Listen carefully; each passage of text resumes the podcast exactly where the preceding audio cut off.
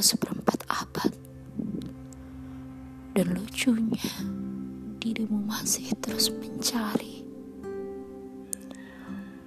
Bukankah seperempat abad adalah waktu yang cukup untuk mencari? Tetapi kau terlihat tersesat. Kau pergi sana kemari, mencari entah apa yang dicari. Di mana? Kau di mana? Teriak. Sesak. Dadaku sesak mendengarmu berteriak. Arlojimu terus berdetak. Kau pun semakin gusar. Gelap. Kenapa begitu gelap? Kau terdengar semakin putus asa. Jadi-jadi memulai gemetaran. Apa yang kau cari? Apa kau mencari terang? Kataku. Bukan, aku ingin warna. Mana warna untukku? Apa warna yang kau mau? Aku pun tidak tahu. Jawabmu kesal.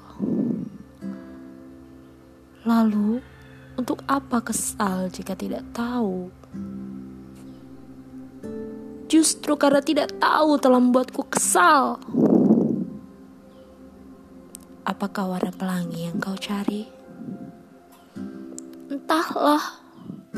Tidakkah warna pelangi begitu banyak untukku? Bukankah satu warna lebih baik? Katamu mulai bimbang.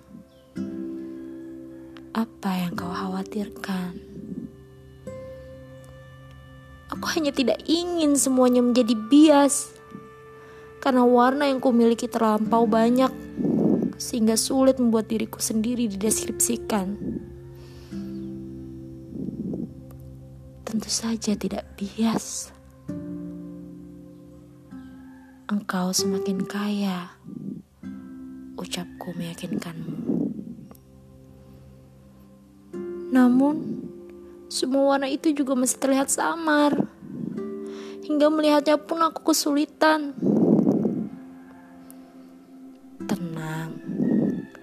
Waktumu masih berjalan. Kamu masih bisa mempertegas warna-warnamu. Kau kembali melihat arlojimu. Kau benar, arlojiku masih berdetak. Aku masih memiliki waktu, katamu mulai bersemangat. Kini warnamu terlihat setingkat lebih tegas dengan senyum yang kau lukiskan. Mungkin makna baru terasa ketika kita menerima.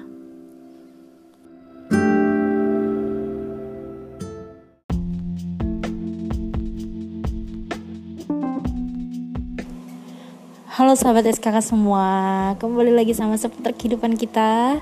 Kali ini gue mau ngebahas tentang quarter life crisis 90-an jadi pasti kan di generasi kita nih lagi banyak nih yang menginjak usia 20 sampai 25 tahunan. Ya walaupun gue sendiri udah lewat 25 sih tapi masih 25an lah ya kan? Nah biasanya di di range umur segitu kita itu biasa menghadapi masalah yaitu adalah quarter life crisis yang mana bisa datangnya dari berbagai sisi. Bisa kita merasa quarter life crisis kita itu di segi pekerjaan mungkin atau di segi sosial atau dari segi pengembangan diri kita sendiri atau dari segi percintaan bahkan.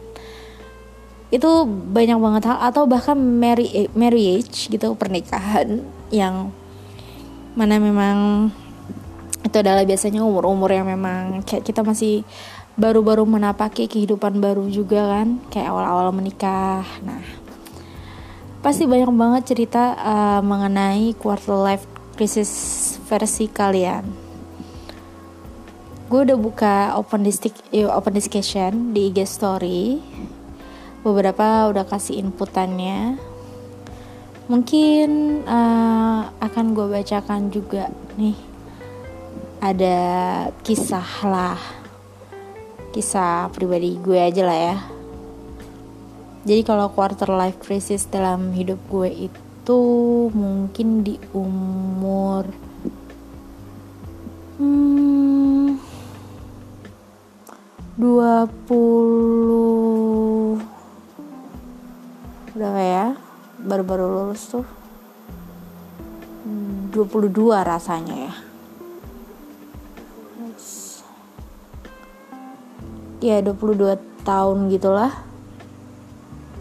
Sekitar 22 tahun pokoknya kejadian itu misalnya baru lulus kuliah yang mana gue bingung masih bingungnya tuh dilema antara mau coba terjun langsung usaha aja atau ya kerja kantoran gitu.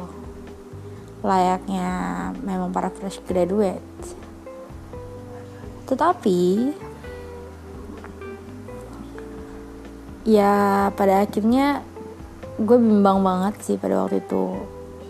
Terlebih yang paling bikin bimbang itu adalah banyaknya kesukaan. Banyaknya kesukaan. Jadi karena banyaknya kesukaan sebenarnya punya dua sisi ya positif dan negatif. Kalau kita suka sukanya itu adalah uh, maksudnya kita punya banyak kesukaan itu bisa kita nilai positif karena mungkin bisa memberikan kita lebih banyak peluang uh, untuk bisa diterima di beberapa uh, di salah satu kesukaan kita itu. Dan memiliki banyak kesukaan juga uh, kesulitannya adalah kita bingung gitu loh menentukan yang mana nih yang paling pengen gue dalemin kayak gitu. Itu sih yang sempet sempet sempet sempet ada di persimpangan persimpangan quarter life maybe crisis gitu yang bisa gue bilang karena dilema. Jadi antara gue yang pengen usaha tapi masih kayak ada masih bingung meraba-raba gitu usaha apa ya. Terus gue suka traveling jadi gue juga cari-cari tuh job-job yang memang bisa traveling gitu bahkan gue pernah daftar di uh, yang ini sangat-sangat tidak relate sama jurusan gue ya. Tapi based on my hobby gitu traveling. Gue daftar di agensi tour gitulah. Jadi tour leader. Ya di situ sih gue kayak tahu ternyata jadi tour leader ternyata nggak se easy itu juga sih. Maksudnya ternyata tesnya lumayan banyak ya gitu. Padahal kan kayak kayak pikir gue ya udah sih cuma jadi tour leader gitu kan. Yang yang penting gue tahu tempat wisata itu uh, gue bisa jelasin ke wisatawan ya udah gitu kan beres. Ternyata ya ada tes fisik yang lumayan terus ada kayak tes mental juga. Hmm, ada beberapa tahapan tes lah pokoknya. Selain tes pengetahuan uh, tentang destinasi-destinasi tentunya ya jadi terus gue dihadapkan di persimpangan ketika justru udah melalui beberapa tes itu dari orang tua gue tahu gitu gue melakukan tes itu gitu. Uh, tetap uh, pas kayak gue izin gitu setiap kali gue izin kayak ya gue mau tes ya diboleh-bolehin aja gitu. Dan setelah lumayan panjang proses tes itu mungkin sekitar seminggu dua mingguan gitu uh, dan akhirnya lolos gitu kayak bahkan gue kayak udah dijadwalin trip gue itu akan ke mana gitu pada waktu itu. Justru pada tahap itu yang sudah lolos itu dari proses yang cukup panjang itu dan melelahkan sebenarnya tiba-tiba aja ibu gue menolak. Ya orang tua lah. Kayak mereka berpikir janganlah mereka takut gue kasihkan eh gue bilang ini kan cuma temporary. Jadi uh, si pekerjaan sebagai tour leader di agensi ini juga apa ya gue gue berpikirnya cuma batu loncatan gue aja. Cuma kayak gue memang tidak berpikir untuk menetap di sana gitu untuk lama gitu ya. Gue pengen cari pengalaman aja di di bidang yang gue suka atau hobi gitu yang gue suka.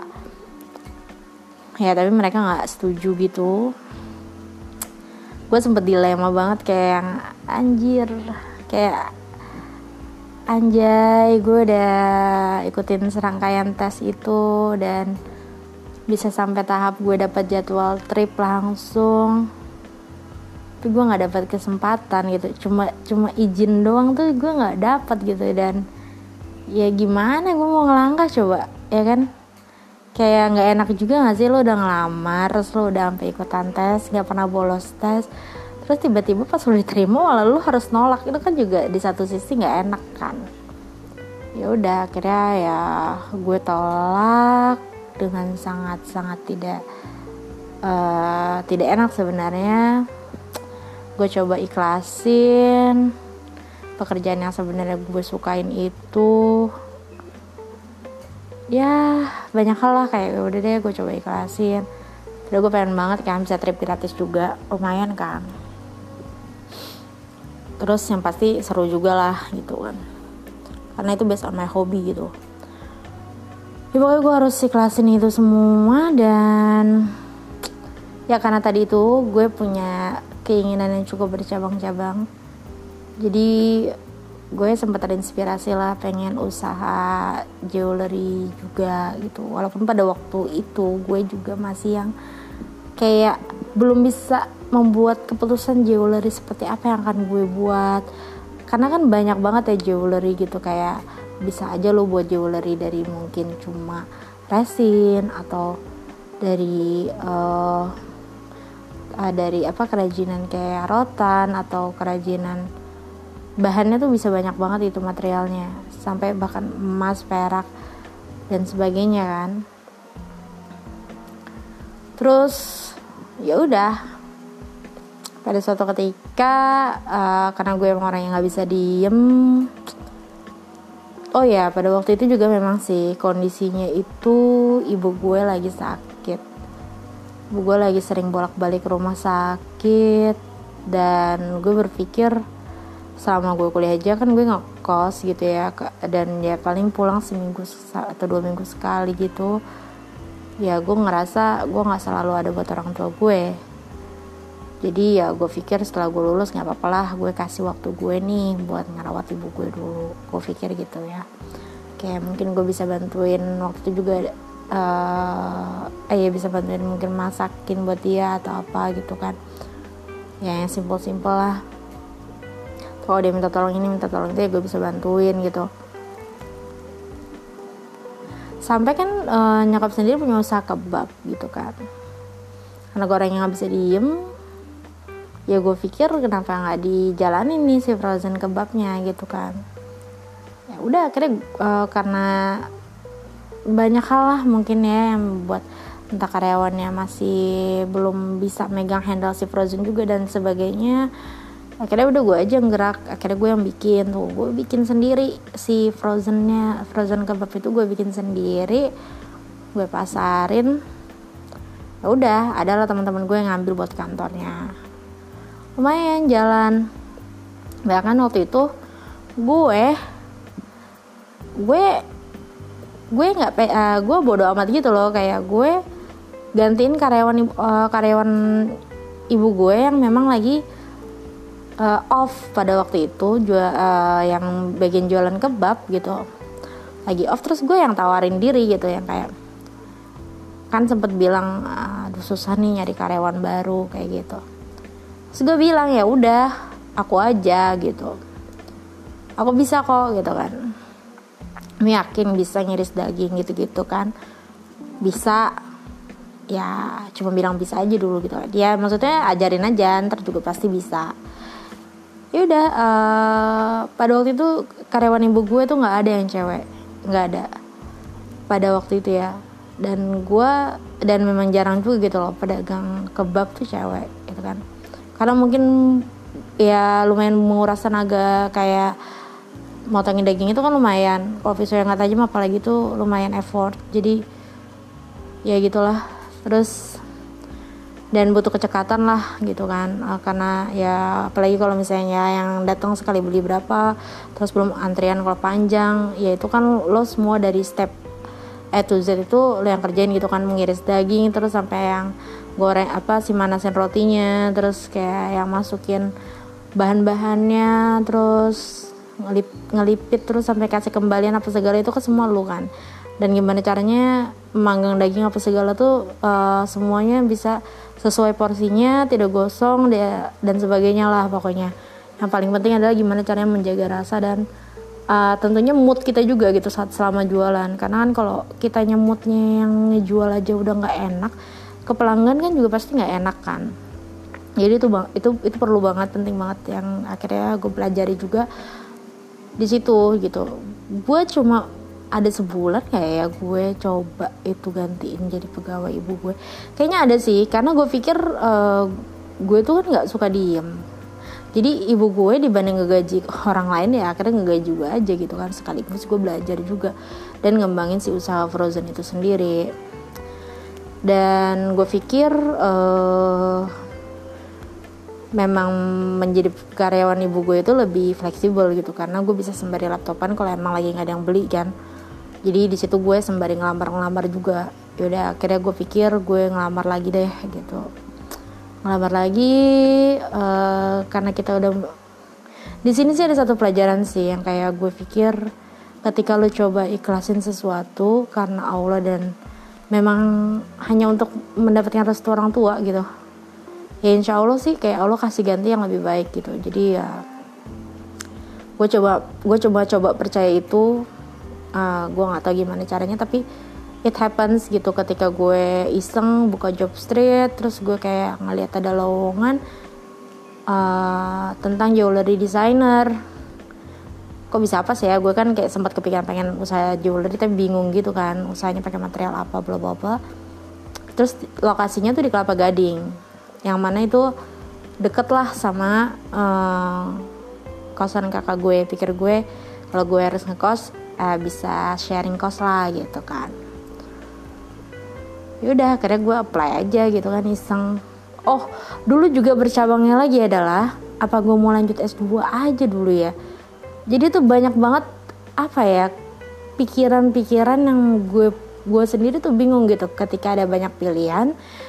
Tapi gue juga harus cepat memutuskan gitu gue harus ke mana nih gitu kan ya udah pada saat itu yang paling rasional yang bisa gue lakukan adalah uh, melamar kerja. Karena kalau mau lanjut S2 pun gue pikir gue pengennya kan pasti ambil siswa. Karena nggak mau lah gitu kan dibiayain orang tua lagi. Dan untuk beasiswa emang rada picky juga. Gue pengennya kalau bisa keluar negeri. Jadi terus ke UK waktu itu. Jadi butuhnya IELTS dan tes IELTS tahu gue lumayan kan butuh preparation and test biayanya itu kosnya jadi ya udah deh gue kerja dulu aja. Gitu. Udah akhirnya gue lamar. Dan ya hunus ternyata cepet banget itu cepet banget. Gue tiba-tiba besokannya dua hari kemudian bahkan gue dipanggil. Dan pada pas saat dipanggil itu gue yang kayak malah jadi antara karena gini gue bentrok. Gue udah punya jadwal pengen ke ya itu tadi seminar beasiswa itulah LPDP gue udah terlanjur pengen ke situ. Aduh ini panggilannya malah bentrok. Akhirnya gue kasih tahu aja kan gue jelasin. Dan dan dan si perusahaan itu paham gitu loh kayak yang bener-bener ya udah nggak apa-apa gitu di schedule kayak di schedule dia mau dia mau ngikutin kapan gue bisanya gitu. Setelah wawancara mm, dan lain sebagainya um, ya sudah gitu tes dan wawancara. Gak lama gue dikabarin kalau gue diterima. Cuma di situ gue kayak masih galau juga nih antara mau terima apa enggak ya gitu. Tapi udah akhirnya gue terima sih. Karena pas gue bilang tapi kayaknya uh, belum tahu nih gue bisa terima apa enggak gitu. Boleh nggak kabarin lagi nanti? Kayak yang rekruternya udah kayak yang ya gitu. Bilang ya gitu kan gue jadi kayak nggak enak ya. Maksudnya ya lu yang butuh kerja ini malah recruiter lu yang ngerasa kayak kok nggak jadi masuk sih? Gitu kan. Ya setelah dipikir-pikir ya iya sih masa iya gue udah diterima. Nolak lagi kan gak enak dong. Kayak yang waktu itu ya udahlah toh ini juga uh, apa ya bidang yang memang gue sempet pingin coba gitu kan. Ya udah well akhirnya gue terima. Dan gue masuk perusahaan itu. Dan bener banget sih banyak banget yang gue pelajarin di sana hal baru. Dan entah kenapa memang pada waktu itu gue berpikir someday gue juga pengen bisa bikin kayak gini gitu uh, entah kenapa gue waktu itu nggak berpikir gue harus bisa jadi manajer ini manajernya perusahaan ini atau supervisornya supervisor atau manajernya perusahaan ini atau apa. Tapi gue gue cuma berpikirnya gue pengen bisa punya kayak gini juga intinya gitu. Ya udah itu pertama kali ngelangkain kaki deh nyampe dua hari kemudian. Yang dipikirin gue kayak gitu dari gue yang memang ditempatin posisinya sebagai desainernya kan jadinya memang yang mencari konsep dan ide awalnya ACC dan sebagainya. Ternyata dibagi-bagi lagi. Dulu zaman kuliah itu kan uh, kalau zaman kuliah tuh kayak ngerjain semuanya tuh dari A to Z itu sendiri gitu kan. Jadi kayak rada aneh awalnya kayak kok gue yang ngedesain tapi gue nggak tahu nih ntar hasilnya kayak gimana jadinya nggak dikasih lihat gitu-gitu. Ya ada proses prosesnya ada gitu. Tapi 3D-nya nggak perlu gue yang buat kayak gitu-gitu loh. Jadi gue cuma kayak cari model bikin model tiap hari